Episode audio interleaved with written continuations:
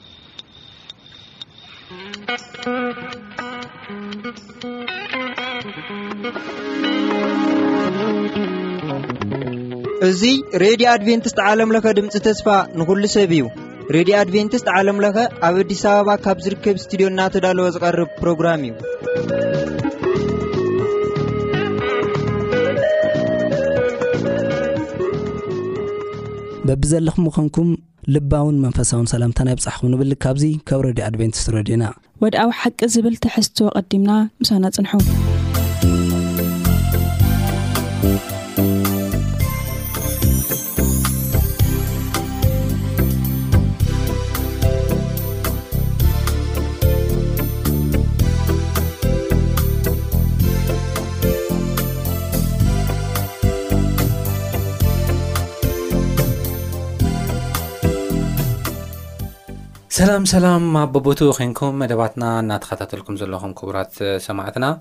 እዚ ብዓለም ለኸ ኣድቨንስ ሬድዮ ድምፂ ተስፋ ንኩሉ ሰብ እናተዳለወ ዝቐርበልኩም መደብኩም መደብ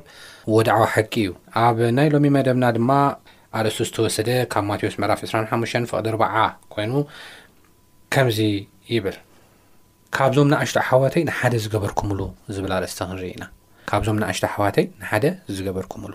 እቲ ጥቕሲ ምሉእ ብምሉእ ከንብቦ ከለኹ ከምዚ ይብል፣ እቲ ንጉስ ከኣ፣ እቶም ካብዚ ንኣሽቱ ኣሕዋተይ ንሓደ ዝገበርኩምሉ ንኣይ ከም ዝገበርኩምለይ ብሓቂ ብሓቂ እብለኩም ኣሎኹ ኢሉ መለሰሎም። ከም መእተዊ ጥቕስና እንርእዮ ከኣ ኣብኡ ኣብ ማቴዎስ ምዕራፍ ዕስራን ሓሙሽተን ፍቕዲ ሰላሳን ኣርባዕተን ዘሎ እንትኸውን ከምዚ ይንበብ፣ ሽዑ እቲ ንጉስ ኣብ የማኑ ንዘለዉ ይብሎም፣ ኣቱም ናይ ኣቦይ ቡሩኻት፣ ንዑ፣ እቲ ካብ ምስራት ዓለም እተዳለወልኩም መንግስቲ፣ ውረሱ ይብሎም እሞ ሎሚ እዚ ሓሳብ እዚ እንሪኦ ምስ ሓፍተይ ቹቹ ብምዃን እዩ መጀመርያ ሓፍተይ ቹቹ ፃውዒትና ክቢርኪ ስለ ዝመፃኺ እግዚኣብሔር ይባረኪ ኣነ እውን ኣማ መንፈሳዊ ከምኡ ምስ ቴክኒሻን ኢራና መልኣኩ ብምዃን ምሳኹም ክንፀንሕ ኢና እግዚኣብሔር ኣብዚ መደብና ክኸብርን ከምህረናን ክመርሓናን ሕጽር ዝበለ ጸሎት ክንጽሊ ኢና ንጸሊ። እግዚኣብሔር ኣምላኽና ስለዚ ግዜን ሰዓትን ነመስግነካ ኣለና ሕጂ ድማ ዝኸበረ ቃልካ ክንከፍት ከለና ንስኻ ክትረድኣና ክትመርሓና ክትባርኸና ንልምን ብጎይታና መድሓናን የሱስ ክርስቶስ ስም ኣሜን። ኣሜን ሕራይ ቹቹ ከምቲ ቅድም ኢለ ዝበልክዎ ሎሚ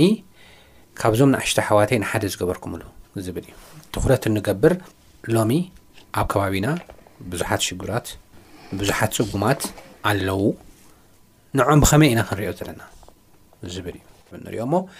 ቅድሚ እዚ ሓሳብ ዝምርኣይና ግን እቲ ዋና ሞዴልና ኢየሱስ ክርስቶስ እዩ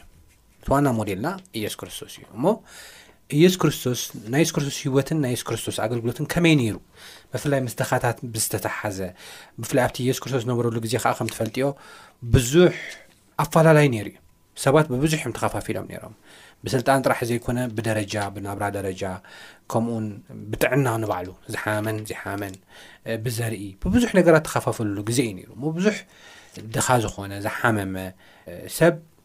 ምንም ዘይብሉ መበለት ሰብኣያ ዝሞታ ገለ መለታ ዝኾነ ሰብ በቃ ከቢድ ዝኾነ ተፅዕኖ እዩ ዝበፅሖም ነይሩ ማለት እዩ ማለት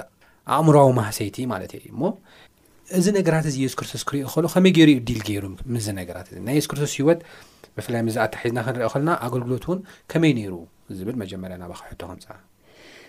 እሺ ክርስቶስ የሱስ ኣብ ምድሪ ክመላለስ ከሎ ትንቢት ተነጊሩ ነይሩ እዩ ኣብ ነቢ ኢሳያስ ምዕራፍ ስሳን ሓደን ካብ ሓደ ስካብ ክልተ እንታይ ዓይነት ግብርታት ከም ዝገብር እቲ ናቱ ግብርታቱ ተጠቂሱ ነይሩ እዩ ማለት እዩ ዳሓረ ግን ኣብ ሉቃስ መጺና ቁርቃስ ኣርባዓተ ፍቕዲ ኣስር ሽዱሽተ ጀሚርና ክንሪኢ ከለና ክርስቶስ የሱስ ብኣካል ኣብ ምድሪ ምስ መፀ እንታይ ከም ዝገበረ ኣብዚ ይነግረና ሉቃስ ኣርባዕተ ኣስር ሽዱሽተ እንታይ ይብለና ናብታ ዝዓበይላ ናብ ናዝሬት ድማ መፀ ብመዓልቲ ሰንበት ከዓ ከምቲ ልማዱ ናብ ቤት ጸሎት ኣተወ ከንብብ እውን ተንስአ መፅሓፍ ነብዪ እሳያስ ከዓ ሃብዎ ነቲ መፅሓፍ እንተቐልዑ ከዓ እዚ እተፅሓፎ ክፍሊ ረኸበ ንደኻታት ከብስሮም ንዝቐብኣኒ መንፈስ እግዚኣብሔር ኣብ ልዕሊ እዩ፣ ንምሩኻት ክምልስ፣ ንዕዉራት ምርኣይ፣ ንግፉዓት ከኣ ምውጻእ ሓራ ክሰብኽ፣ ሕሪትም ዓመት እግዚኣብሔር እውን ክሰብኽ ለኣኸኒ። ነቲ መጽሓፍ ኣጽፉ ከኣ ነቲ ኣገልጋሊ ሂብዎ ተቐመጠ ይብል ማለት እዩ። እዚ ኣብ ሉቃስ ኣርባዕተ ካብ ዓሰርተ ሽዱሽተ ክሳብ ዓሰርተ ትሽዓተ ማለት እዩ። እዚ ሓሳብ በዓሉ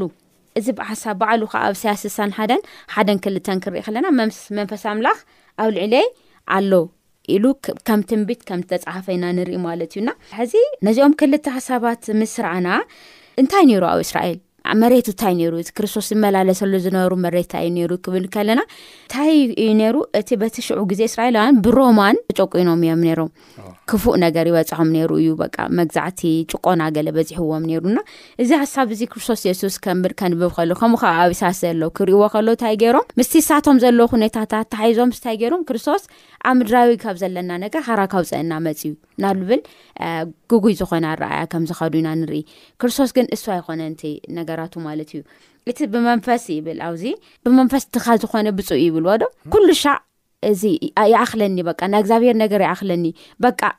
ንብሎ ነገር ኣይኮነን እና መንፈስ እግዚኣብሄር እንታይ ገይርዎ ብመንፈስ ደኻኒ ዝኾኑ ይብል ከም ዝኾነ ብኣካል እውን ደኻኒ ዝኾኑ ከዓ ይበፅሕ ከም ዘሎ ኢና ንርኢ መንፈሳዊ ድኽነት ማለት በቃ ሰብ ንኣምላኽ ካብ ኣምላኽ ንልቅበሎ ነገር ኩሉ ሻዕ ልቡ ድሉ ኮይኑ በቃ ይኣኸለኒ ዘይምባል ማለት እዩ በቃ ኩሉ ሻዕ ንእግዚኣብሄር ፃማኣየ እንዳሃርኒካ እግዚኣብሄር ይመልአልካ እዩ ድኻታት ንዝነበሩ ከዓ ይበፅሐሎም ከም ዝነበረ ኢና ንርኢ ማለት እዩ ከምኡ ከዓ ንድኻታት ወንጌል የብስር ነይሩ እዩ ነቲ ናይ መንግስቲ ወንጌል ንምንታይ መስለ ብትሽዑ ግዜ ድኽነት ሲ ሓጢኣት ከም ዝኾነ ዩ ዝውሰድ ሰብ ዝድኺ ሲ ብሓጢኣቱ ምክንያት ወይ ብኣቦኡ ወይ ብኣዲኡ ብዘርማዘሩ ብዝመፅ ምክንያት እዩ ተባሂሉ ስለ ዝግመት ንደኻ ምንም ዓይነት ቆልሓት ኣይወሃቦም ነይሩ ማለት እዩ ክርስቶስ ግን ናቱ ተፃራሪ እንታይ ገይሩ ነቶም ደካታት እንታይ ገብር ነይሩ ወንጌል ይሰብከሎም ነይሩ ዘድልዮም ነገር ኩሉ ይምግብ ነይሩ ኢብን ምስኦም ኮፍ ኢሉ ይዕልል ነይሩ ይዕልል ነይሩ ይበልዕ ነይሩ ይሰቲ ነይሩ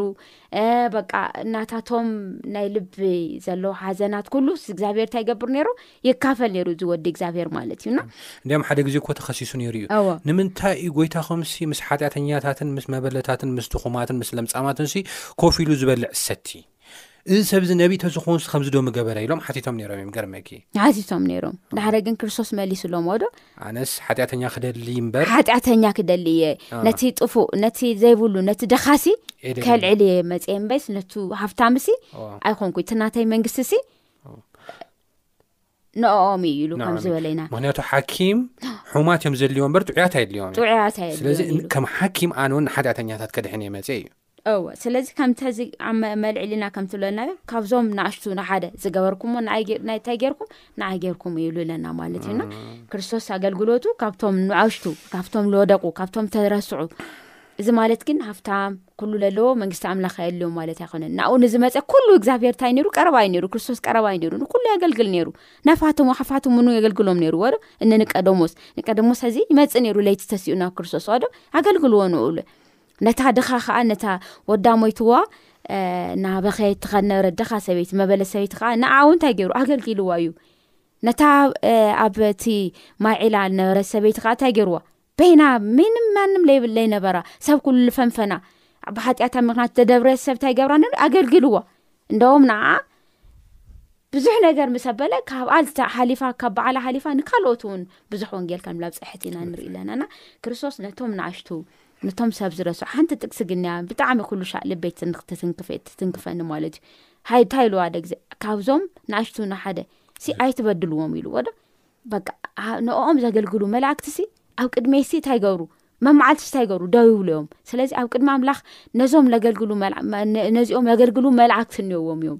ኣነ ልልእ ከሎም መላእክት እኒኦና ካብዞም ንኣሽቱ እናሓደ ኳስ እንታይ ገበ ኣይተበድልዎም ኣይትናዕቕዎም ኢሉ ከም ተዛረበ ኢና ንለና ክርስቶስ ናደኻ ኣፍቃሪ ነይሩ ናብቶም ንኣሽቱ ኩሉ ሊቐርብ ኣምላኽ ነይሩና ናይ ንዑቓት ናይ ለምፃማት ብጣዕሚ ሰብ ኮይ ግረሙ ነይሮም እዮም ለምፃም ሲ ሰብ ዝፍንፍኖን ዝርሕቆ ዝነኸረኡ እሱ ባዕሉስ ይድህሶ ነይሩ ብኢዱ እሞ ብጣዕሚ ዝገርም ነገር እዩ እዚ ነገር እዚ ገርመኪ ኣይሁዳውያን ከምዚ ዓይነት ኣመላኻኸታ እኳ ተነበሮም እግዚኣብሄር ቀዲሞ ኣብ ብሉይ ኪዳን ግን ሂብዎም ነይሩ እዩ ኣብ ብሉይ ኪዳን ሂብዎም ነይሩ እዩ እዚ ሕጊ እዚ ንድኻ ሓጢኣተኛ ኢሎም ከግልልዎ ዘይኮነስ ጭራሽ መሓርቲ ክኾኑ ንድኻ ክልዕሉ ክድግፉ እግዝኣብሄር ድማ ከምዚ ክገብሮ ከሎ በረኸቱ ኣብ ገዝኦም ክኸውን ከም ዝኽእል ከም ዝባረኾም ክብ ከም ዘብሎም ካብ ካልኦት ሃገራት ክብ ከም ዘንብሎም ነጊርዎም ነይሩ እዩ ይገርመኪ ግን ኣብ ከይዲ ግን ከምዚ ዓይነት ለውጢ ከም ዝመፀ ኢና ንርኢ እስኪ እቲ እግዚኣብሄር ተዛሪቦም ዝነበረ ኣርባዕተ ዝኾነ ነጥብታት ክርኢ እታ ቀዳመይቲ ሓደ ኣብ ዘፀኣት ምዕራፍ 23 ፍቕዲ 10 ክሳብ ክሳብ 11 ዘላ እንትኸውን ኣብ ሻውዓይ ዓመት ንስኹም ምሕረት ግበሩ። ባርያ ክህሉ ይኽእል እዩ፣ ዝተገዝአ ባርያ ክህልወኩም ይኽእል እዩ። ስለዚ ንስኻትኩም እንታይ ግበሩ? ኣብ ሻውዓይ ዓመት ክበጽሕ ከሎ ምሕረት ግበሩ፣ ልቐቑ፣ ዕዳ ተሃሊኩም ግደፉሉ እናበለ ክዛረብ ከሎ ኢና ንርኢ እሞ ከምዚ ንበል ሽዱሽተ ዓመት ምድረኻ ዝራእ ፍርያትኻ ኣቱ በታ ሰብዒቲ ዓመት ግና ድኻ ህዝብኻ ምእንቲ ክበልዓ ትዕረፍ ዕዳጋ እታ ዝተረፈ ድማ እንሳ መሮር ይብልዓዮ ኣብ ኣታኸልቲ ወይንኻን ኣባውሊዕ ድማ ከምኡ ግበር ይብል ከምዚ ዓይነት ሕጊ ሂብዎም ነይሩ እዩ ንድኻ ንእንስሳታት ዝሓሊ ኣምላኽ ምዃኑ ኢና ንርኢ ምዚ ተታሒዙ ምስቲ እኽሊ ወይ ድማ ምስ ሕርሻ ተታሒዙ ክትሓርስ ከለኻ እውን ይብል ኣብ ዘለዋያን ምዕራፍ 23 ፍቅዲ 22 እውን ከድና ንርኢ ኣለዋን ክትሓርስ ከለኻ እውን ሙሉእ ብምሉእ እንታይ ትግበሮ ኣይትሕረሶ ክብል ከሉ ኢና ንርኢ ብጣዕሚ ዝገርም ነገር ዓፂድ ምድርኹም ክትዓፅዱ ከለኹም ክሳዕ ወሰን ግራትካ ይትዕፀ ንምንታይ ንቀሪም እቲ ዓጺድካ ኣይትእረዮ ንድኻ ንስደተኛታትን ሕደጎ ድኻ ክህሉ ኽእል ስደተኛ ክህሉ ኽእል ስለ ንሕደጎ ኣነ እግዚኣብሔር ኣምላኽ ኮሜሉ ጽቡቕ ዝኾነ ሕግታት ከም ዝሃቦም ኢና ንርኢ ምዚ ተታሒዙ ኣብ ዘዳግም ምዕራፍ ዓሰርተ ሓሙሽተ ፍቕዲ ዓሰርተ ሓደ ኸኣ ዝዛረቦ ነገር ኣሎ እዚ እዛ ጥቕሲ እዚኣ ፍልይ ዝበለት ጥቕሲ እያ ብርግጽ ካብዘን ሕጂ ዘንበብክወን ምስ ዓጺድ ተታሓዘት ኣይኮነትን ግን እንታይ ይብል ድኻታት ኣብ ማእከል ሃገር ኣይሰኣኑን እዮም እሞ ስለዚ ኣብ ሃገርካ ዘሎ ሓውኻን ሽጉርን ድኻን ኢድካ ኣጸቢቕካ ክፈተሉ ኢለ እእዝዘካ ኣለኹ ይብል። ኣይሰኣንን እዩ ድኻ ድኻ ክህሉ እዩ ስደተኛ ኮነ ኣብ ዓድኻ ዝኾነ ድንገተኛ ሰብኣዩ ሰበይቱ ዝሞተቶ ክኸውን ይኽእል ብዙሕ ሽግር ዘጋጥም ሰብ ክህሉ ይኽእል እዩ ስለዚ ንዑ እንታይ ግበር ኣጸቢቕካ ኢድካ ዘርግሓሉ እንተኽኢልካ በቲ ዘድልዮ ነገር ድማ እንታይ ግበሮ ርድኣዮ። ንድኻታት ክሳብ ክንደይ ሓልዮት ክህልወና ከም ዝግባእ እዩ ዝዛረበና። ሎሚ ኣብዛ ንነብረላ ዘለና ምድሪ ኣብ እስራኤላውያን ግዜ ጥራሕ ዘይኮነስ ኣብዛ ንነብረላ ዘለና ምድሪ ድኻታት ዝሓሙ ልክዕ ከምቲ ናይ የሱስ ክርስቶስ ግዜ ፍልይ ብዝበለ መልክዑ ኣእምሮዎም ሃሴቱ ይበፅሖም እዩ ድኻታት ስለ ዝኾኑ ጥራሕ ቦታ ይወሃቦምን እዩ ድኻታት ስለ ዝኾኑ ጥራሕ ወላ ፍልጠት እናሃለዎም ድኻታት ስለ ዝኾኑ ጥራሕ ክግለሉ ኢና ንርኢ ማለት እዩ እሞ ንሕና ግን ልክዕ ከም ጎይታና እንታይ ክንገብር ኣለና ንድኻታት ክንቀውም ኣለና መዝሙር 82 ፍቅዲ 3 ክሳብ 4 ከምዚ ይብል ንምጉዱርን ንዘኽታምን በይነሎም ምክንያቱ ሓደ ሰብ ወላ ሓቂ ሒዙ ኣብ ፍትሒ ክቐርብ ከሎ ድኻ ስለ ዝኾነ ጥራሕ እንታይ ይግበረሉ እዩ ፍትሒ ኣይወሃቦን እዩ ስለዚ ንምጉድርን ዘኽታምን በይነሎም ሓቀኛ ፍርዲ ፍረደሎም ንጭኑቕን ምስኪንን ፍትሒ ኣውጽኣሎም ምኽንያቱ ብማንነቶም ጥራሕ በቲ ዘለዎም ስታተስ ጥራሕ ስለ ዝፍረዱ ማለት እዩ ስለዚ ከምኡ ይትግበሩ ክብለና ከሎ ኣብ ፍርዲ ወንበር እውን ከድና ክንረእ ከልና ከምኡ ይትግበሩ ክብለና ከሎ እውን ኢና ንርኢ እዚ ነገር እዚ ግን ንሕና እንገብሮ ንገዛእ ስምና ንምፅዋዕ ዘይኮነሲ ነገር ግን ንእግዚኣብሄር ንምኽባር ክኸውን ከም ዘሎ ኢና ንርኢ ሎሚ ብዙሓት ሓገዝቲ ሰባት ኣለዉ ኢኖም ሓገስ ኢናባኻልቲ ዝበሃሉ ሰባት ኣለዉ እዮም ነገር ግን ብኣምላኽ እዚኣምኑ ንገዛእ ክብሮምን ንገዛእ ጥቕሞምን እንደገና ንገዛእ ረብሖምን ንምውዓል ዝፍትኑ ሰባት ኣለዉ እዮም ነገር ግን እዞም ሰባት እዚኦም ንኣምላኽ ስለ ዘይክብሩ እቲ ምርድኦም ብዙሕ ፅቡቅ እኳ ተኾነ ነገር ግን ኣዝዩ ዝባርኽ ኣይከውን እዩ ፍፁም ኣይኮነን ንሕና ግን እቲ ዋና ታርጌትና ሰብ ክንረድእ ከለና፣ ሰብ ክንሕግዝ ከለና፣ ኣብ ጎንና ዘሎ ክንብይነሉ፣ ፍትሒ ክነውጽኣሉ ከለና፣ ንኽብሪ ኣምላኽ ክንገብሮ ከም ዘለና እዚ ክንርስዖ ዘይብልና ሓቂ እዩ። ኢየሱስ ክርስቶስ ኣብ ኣገልግሎቱ ቅድም ኢልክ ካብቲ ተዛረብክዮ ሓፍትና ቹቹ ኣብ ኣገልግሎቱ ብዙሓት ሰባት ገጢሞሞ እዮም ኣህዛብ ገለመልታት ገጢሞሞ እዮም እሞ ሓደ ሃፍታም እዩ መንእሰይ እዩ ሽሙ ኣይተጠቕሰን ብርግጽ ግን ብዛዕባ እዚ ንእሽተይ ሃፍታም ሰብኣይ ኴንና ክንርኣ ከለና ክስዕበካ እደሊ እየ ዘልኣለም ህይወት ክረክብ እንታይ ክገብር ይደሊ ምስ በሎ ኢየሱስ ክርስቶስ ዝበሎ ነገር ኣሎ ዘለካ ኩሉ ኬድካ እንታይ ግበር ሽጥ ድሓር ሰዓበኒ ክብሎ ከሎ ኢና ንርኢ እንታይ ማለት እዩ ኢየሱስ ክርስቶስ እዚ ኩሉ ከምዚ ዝብሎ ዘሎ መቸም ኣብዚ ዝርርቦም ዋእ ሕጊ ሓሉ ክብሎ ከሎ ኣነ ካብ ብንእስነተይ ጀሚረ እዚ ሕጊ እዚ ሓለየ እየ ክብሎ ከሎ የሱስ ክርስቶስ ኣዝዩ ደስ ከም ዝበሎ ኢና ንርኢ ሓር ግን ዘለካ ከድካ ኩሉ ሽጥ ድሓር ሰዓበኒ ክብሎ ከሎ እቲ ናሓዘና ከምዝኸደኒ ንርኢ ዘለና እንታይ ማለትዩ የሱስ ክርስቶስ እዚ ክብል ከሎ እዋ እዚ ሰብ እዚ ሓደ ጎበዝ እዩ ይብለና ማለት መንእሰይ እዩ ጎዩ ገና ለይፀገበ ሰብ እዩ ንካዓው ልዕሉ ግን ሃብታም እዩ ይብል እንዳውም ናብ ክርስቶስ እናጎየ ከም ዝመፀ እዩ ዝነግረና ቃሉ ማለት እዩ እዚ ሓሳብ እዚ ኣብ ማቴዎስ 19 ከምኡ ከዓ ኣብ ማርቆስ 1 ከምኡ ከዓ ኣብ ሉቃስ ኣብ ሰለስቲኦም ወንጌላት ኢና ንረክቦ እዚ ሰብ እዚ ማለት እዩ እስቲ ኣብ ማቴዎስ ለሎ ነንብቦ ኣብ ማቴዎስ 19 16 ጀሚርና ክንረብ ከለና እኖ ሓደ ናብኡ ቀሪቡ ዎ መምህር ናይ ዘለኣለም ህይወት እረክብስ እንታይ ፅቡቅ ግብሪ እገብር በለ ንሱ ከዓ በሎ ንምንታይ ብዛዕባ ፅቡቅ ትሓተኒ ኣለኻ እቲ ፅቡቅ ሲ ሓደ እዩ ናብ ህይወት ክትኣቱ እንተደሊኻ ግና እተን ትእዛዛት ሓሉ ንሱ ኣየኖት እዩ? በሎ። የሱስ ከኣ እኒ ኣይትቕተል፣ ኣይትዘሙ፣ ኣይትስረቕ፣ ብሓሶት ኣይትመስክር፣ ኣቦኻን ኣዴኻን ኣኽብር፣ ብጻይካውን ከም ነብስኻ ፍቶ በሎ። እቲ ጎበዝ እዚ ኹሉ ካብ ንእስነተይ ሒዘ እሕሎ ኣሎኹ፣ እንታይ ደኣ እዩ ዚጎድለኒ ዘሎ? በሎ። የሱስ ከኣ ፍጹም ክትኸውን እንተ ደሊኻሲ ክድ ዘሎካ ሸይጥካ ንደኻታት ሃብ እሞ፣ ሰማይ ድማ መዝገብ ክትረክብ ኢኻ እሞ፣ ንዓ ስዓበኒ በሎ ይብል። ንኡስሓቡኒ ንኣስሓብኒ እናበለ ብዙሓት ደቀ መዛሙርቲ ኩሉ ገዲፎም ተኸቲሎም እዮም ሓደ ግዜ እንደውም ጴጥሮስ እንታይ ኢሉ ንሕናስ ኩሉ ገዲፍና ኢና ተኸቲልናካ ኢሉ ንክርስቶስ ክነግሮ ከሎ ኢና ንርኢ ማለት እዩ ስለዚ እዚ ሰብ እዚ ከምኣቶም ናብ ክርስቶስ መፅኡ ልገርመካ እተን እግዚኣብሔር ዝበረን ነገራት ኩለን ገይረየን ኢሉ መስኪሩ ኣነ እኮ እዚኤን ኩለን ገይረ እየ እስ ሽሙ ሃሙ ተገይርካ ሐዚ እዚ ታይ እዩ ትእቢት ማለት እዩ ገይረ እየ ማለት መንግስቲ ሰማይ ስል ብቁዕ እየ ኣነ ንመንግስቲ ሰማይ ላብ ልብን ነገር መፅኡ ማለት እዩ እሞ ብቅዓትካ እሞ ክረኤ እንተኮይኑ ሲ ልተርፈካ ነገር እንተሉ ስቲ ክርኤካ ኢሉ እቲ ዘለካ ኩሉ ታይ ግበር ሽጠ እሞ ተመል ካብስ ሃብታም ካብ ኣብ መንግስቲ ሰማይ ካብ ልኣቱ ሲ ኢሉ ኣብዚ ቦታ እዚ ግመል ታይ ግብር ኣብ ዝኮነት መርፍእ ሲ በዛ ቀዳዳ ሳስ ተተሓልፍ ይሓይሽ ኢሉ ክርስቶስ ነዚ ሰብ እዚ ከም ዝመለሰሉ ኢና ንርኢ ማለት እዩ ስለዚ ኣብዚ ሓንቲ ነገር ኣሕፂር ኣቢልና ክርኢ ከለና ኣቐዲምኩም ፅድቅን መንግስትን ኣምላኽ ድለዩ እቲ ካልእ ኩሉ ክውስኸኩም ይብል እግዚኣብሔር ኣምላኽ ማለት እዩ እዚ ሰብ እዚ ፅድቅን መንግስትን ኣምላኽ ደሊ እየ ወዲኤ እየ ኢሉ ደሓረ ግን ካልእ ጎይታ ነይርዎ። ካልእ ለምልኾ ኣምላኽ ነይርዎ። ገንዘብ ኣምላኹ እዩ ነይሩ። ንክልተ ጎይቶት ከኣ ክግዛእ ኣይከኣልን እዩ። ነቲ ሓደ ክትግዛእ እንተ ኾንካ ነቲ ሓደ ትገድፎ እኒኤካ። እዚ ማለት ገንዘብ ዘይብልካ ንእግዚኣብሄር ኣምልኽ ማለት ኣይኮነን። ግን እንታይ ይብል ዘለኒ ይኣኽለኒ ምባልሲ ንዓይሲ ትርፊ እዩ በቃ ብዙሕ ነገር እዩ ይብል ጳውሎስ ማለት እዩ። ይኣኽለኒ ምባል እንድሕር ዘይለመድካ መንግስቲ ኣምላኽ ንኣኻ ከም ዝበለስ ኣይትኸውንን ማለት እዩ። እዚ ሰብ እዚ ንኡ ታይ በልጽዎ እቲ እግዚኣብሔር ካብ ዝህቦስ ዘልኣለማዊ ሕይወት ታይ በልጽዎ ማለት እዩ ገንዘብ በልጽዎ ድሃር እናሓዘነ ወፅዩ ኸይዱ ኢሉ እናሓዘነ ወፅዩ ኸይዱ ይሐዝን ብጣዕሚ እቲ እግዚኣብሔር እቲ ወሃቢ ሕይወት እቲ ዘለኣለም ከንብር ዝኽእል እግዚኣብሔር ብምንታይ ይለዊጥዎ ብገንዘብ ይለዊጥዎ ማለት ክርስቶስ ግን እንታይ ኢልዎ ስለዚ ሰብሲ ደኻታት ኣይዝክርን ነይሩ ማለት እዩ ደኻታት ኣብ ልቦ ኣይነበሩን ድሓረ ግን እንታይ ኢሉ እቲ ኣኽብር ዝበልካዮ ነገር ኩሉ ገይረ ኢሉ ከም መፃደቅ ከሎ ኢና ንርኢ ማለት ገለገለ ግዜ ሓምዚ ዓይነት ጌጋታት ንፍፂምና ኣብ ህይወትና ማለት እዩ ገንዘብ ኣለና ገንዘብና ሒዝና ከምኡ ከዓ እግዚኣብሔር ብዝብሎ መንገዲ ከይከድና ምስቲ ገንዘብና ሰማይ ክንኣቱ በቲ ገንዘብና ብዝግዛእ ነገር ብገንዘብና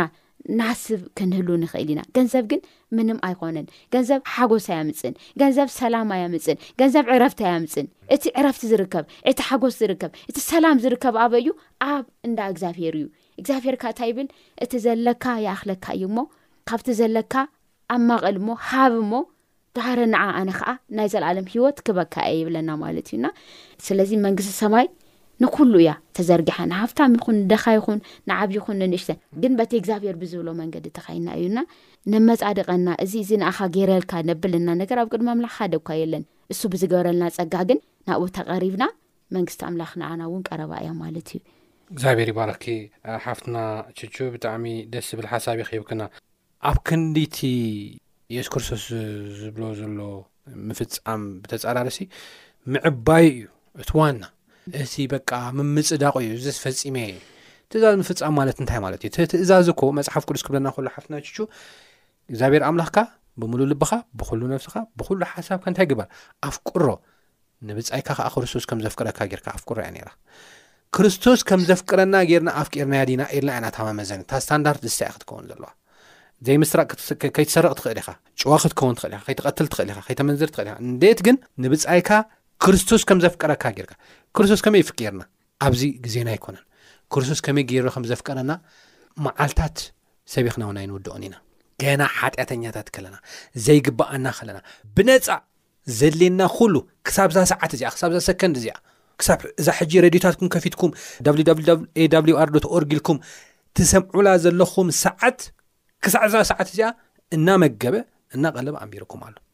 ኣንቢርና ኣሎ እሞ ከምዚ ዓይነት ፍቕሪ ኢና ከነበ ዘለና ንብፃይና እዩ ዝብለና ዮሃንስ ወንጌል ምዕራፍ 134 ኬድና ንርኢ ኣለዋን እሞ ካብዚ ብተፃራሪ ግን ሓደ ኣይሁዳዊ እውን ኣሎ ሓፍተ ጅ ምናልባት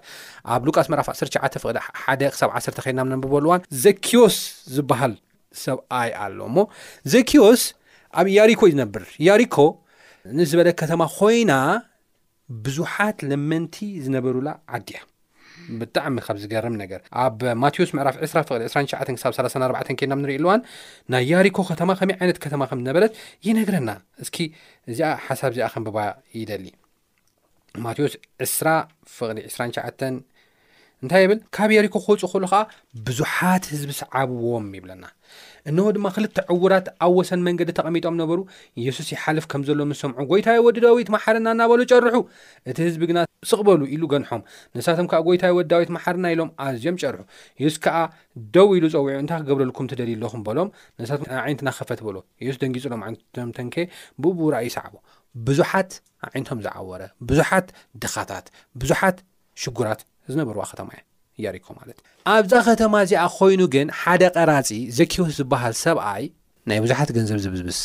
ሰብ እዩ ነይሩ። ቀራጺ ከኣ በቲ ሽዑ ግዜ ብጣዕሚ ተጸላኢ እዩ ነይሩ ምክንያቱ ተጸላኢ? ንሎ- ንሮም እዩ ልግብሩ ነይሮም እና እቲ በቃ ኣዎ። ኣዱ ህዝቡ ልክሓደ ንካሊእ ኣሕልፉ ለሃበ ተባሂሉ እዩ ልግመት ነይሩ እና ሓሙሮማዊ ዘትወስዎ ንሮማውያን ሲ ካብ ህዝቡ በዝቢዙስ ንሮማውያን ዝህብ እሞ ከዓ ሓዎም ከሎ ማለት እዩ ሓዎም ከሎ እስራኤላዊ ከሎስ ካብ ይሁዳ ወሲዱስ ንሮማውያን ንሕዋቱ ሸይጥ ማለት እዩ ሕልፉ ዝህብ ማለት እዩ ከምዚ ዓይነት ስለ ዝነበሩ ኣዝዮም ፅሉ እዮም ነይሮም ግን ዘኪዎስ ቀራፂ እኳ ተነበረ ልቡ ግን ድሓን እዩ ዝበሃል ሰብ እዩ እግዚኣብሔር ይመስገን ምንታይ እዚ ድሓን ዝበልክዎ ንየሱስ ክርስቶስ ይደልዮ ነይሩ እዩ ገርመኪ የሱስ ክርስቶስ መን እዩ ስለ ቓል ኣምላኽ ክዛረብ ከሎ ክፍውስ ከሎ ክርኢ ከሎ ገለ መልታት ክርኢ ከሎ መን እዩ የሱስ ክርስቶስ ኢሉ ዝደሊ ዝነበረ ሰብ እዩ እስኪ የሱስ ክርስቶስ ክሰምዖ ደሊ እስኪ የሱስ ክርስቶስ ክሪኦ ደሊ እናበለ ብዙሕ ዝፅዕር ዝነበረ ሰብ እዩ ነዚ ደሓን እዩ ዝበልኩ ክፉት ልቢ ዝነበሮ ንምፍዋስ ዝደሊ ሰብ እዩ እዚ ጥራሕ ግን ኣይኮነን ካብ ዕለታት ሓደ መዓልቲ የሱስ ክርስቶስ ብያሪኮ ክሓልፍ እዩ ተባሂሉ ምስ ተሰምዐ ኣብዛ ፈፂኡ ዘኪዎስ ክሪኦ ከሎ ሓደ ሰርፕራይዝ ሰሚዑ የሱስ ክርስቶስ፣ ዘኬዎስ፣ ሎሚ ኣብ ገዛኻ ክውዕል ይግብኣኒ እዩሞ፣ ንዓ ውረድ ምስ በሎ ሰንቢዱ። ኣነ ኩሉ ሰውነቱ ተዘዝ ከይበሎ ይተርፍን እዩ። ዋ ኣነ ኣነ ቐራጺ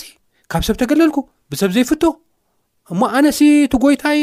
እዚ ኩሉ ሰብ ዝስዕቦ ሲ ኣነ ኣብ ገዛይ ክመፅእ ኣነ ልቡ ምሽት ዝበለት እዩ ዝመስለኒ ናይ ዘኪዎስ ብፍጥነት ወሪዱ ናብ ገዝኡ ከይዱ ካብ ምሒር ደስታ እንታይ ኢሉ ኣነ ኢሉ ዝበደልክዎም ተሃልዮም ዝወስድኩሎም ዝዘርፍኩሎም ተሃልዮም ከምዚ ተሃልዮም ኣርባዕተ ዕፅፊ ክመልሰ ኢሉ ንኹሉ ድኻን ንኹሉ ትተዓደየሉን ኣርባዕተ ዕፅፊ ክህብ ከሎ ብበረኸት ክብትን ከሎ ገንዘቡ